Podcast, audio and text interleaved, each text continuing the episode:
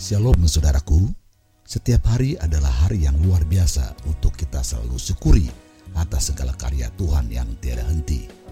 Mari kita siapkan hati untuk kembali mendengarkan renungan firman-Nya sehingga kita bisa melangkah sesuai rencana dan kehendaknya saja. Maju terus dan tetap semangat dalam menggenapi rencananya. Tuhan Yesus memberkati. Shalom, selamat pagi Bapak Ibu Saudara sekalian dikasih Tuhan. Mari kita berdoa sebelum dengar firman Tuhan. Bapa kami di dalam surga Sucikan kuduskan hati dan pikiran kami sebelum kami melakukan aktivitas kami. Kami mau dengarkan firman-Mu Tuhan. Biarlah Bapa firman ini boleh memberkati kami semuanya. Haleluya, amin.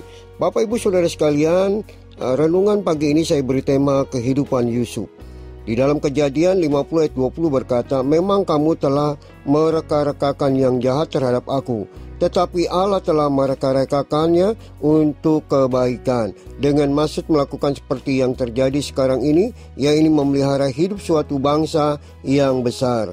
Bapak Ibu Saudara sekalian, kita belajar dari kehidupan Yusuf yang awalnya tidak baik, tetapi pada akhirnya kita lihat dia begitu baik luar biasa. Yusuf awalnya dilempar ke dalam sumur yang kosong oleh kakak-kakaknya. Yusuf dijual untuk dijadikan budak di Mesir.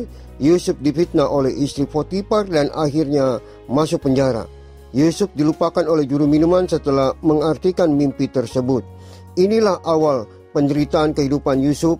Namun akhirnya kehidupan Yusuf jauh lebih baik daripada saudara-saudaranya sebab Yusuf menjadi penguasa di Mesir setelah dia tahu bahwa hidup Yusuf sangat luar biasa. Nah Bapak Ibu Saudara sekalian, kehidupan yang kita jalani ini penuh dengan tantangan, penuh dengan perjuangan, penuh dengan penderitaan, dan penuh dengan sakit penyakit yang kita alami. Kehidupan digambarkan seperti roda Bapak Ibu yang terus menerus berputar. Kadang kita ada di atas, kadang ada di tengah, kadang kita ada di bawah. Kehidupan ini dinamis, walaupun kadang harus bergerak ke tempat ke tempat yang tidak kita sukai. Ada wanita untuk melewati hidup yang penuh penderitaan, ada waktu untuk menikmati hidup dengan bahagia. Apakah keadaannya baik atau tidak?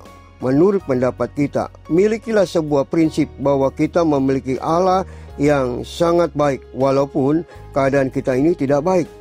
Ada seorang bayi yang masih kecil tiba-tiba sakit karena ibunya ingin anaknya sembuh, maka si ibu memberikan obat kepada bayinya itu.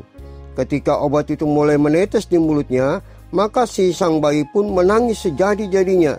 Ia memberontak, ia menangis, ia tidak mau menelan obat itu. Tetapi sang ibu itu semakin memaksanya agar obat itu tetap masuk ke dalam mulutnya dan ditelannya. Pertanyaannya, apakah ibu itu jahat? Tentu saja tidak Bapak Ibu Saudara. Ibu itu melakukannya karena ada karena dia adalah seorang ibu yang sangat baik. Penderitaan sering kali terjadi dalam kehidupan kita dan Allah bisa memakai sebuah penderitaan untuk mendatangkan sebuah kebahagiaan di masa yang akan datang. Dalam Roma 8 ayat 28, kita tahu sekarang bahwa Allah turut bekerja dalam segala sesuatu untuk mendatangkan kebaikan bagi mereka yang mengasihi Dia yaitu bagi mereka yang terpanggil sesuai dengan rencana Allah. Penderitaan adalah sebuah bagian dari kehidupan yang kita jalani, Bapak Ibu Saudara. Kebaikan Allah pasti ada bagi kita yang mengasihi Dia. Maka itu biarlah hidup kita ini haruslah kita sadari bahwa Tuhan tetap masih memelihara, menjaga kita, dan memperbaiki segala sesuatunya. Dan biar kita mau terus merenungkan bahwa kehidupan kita belajar seperti kehidupan Yusuf yang selalu percaya.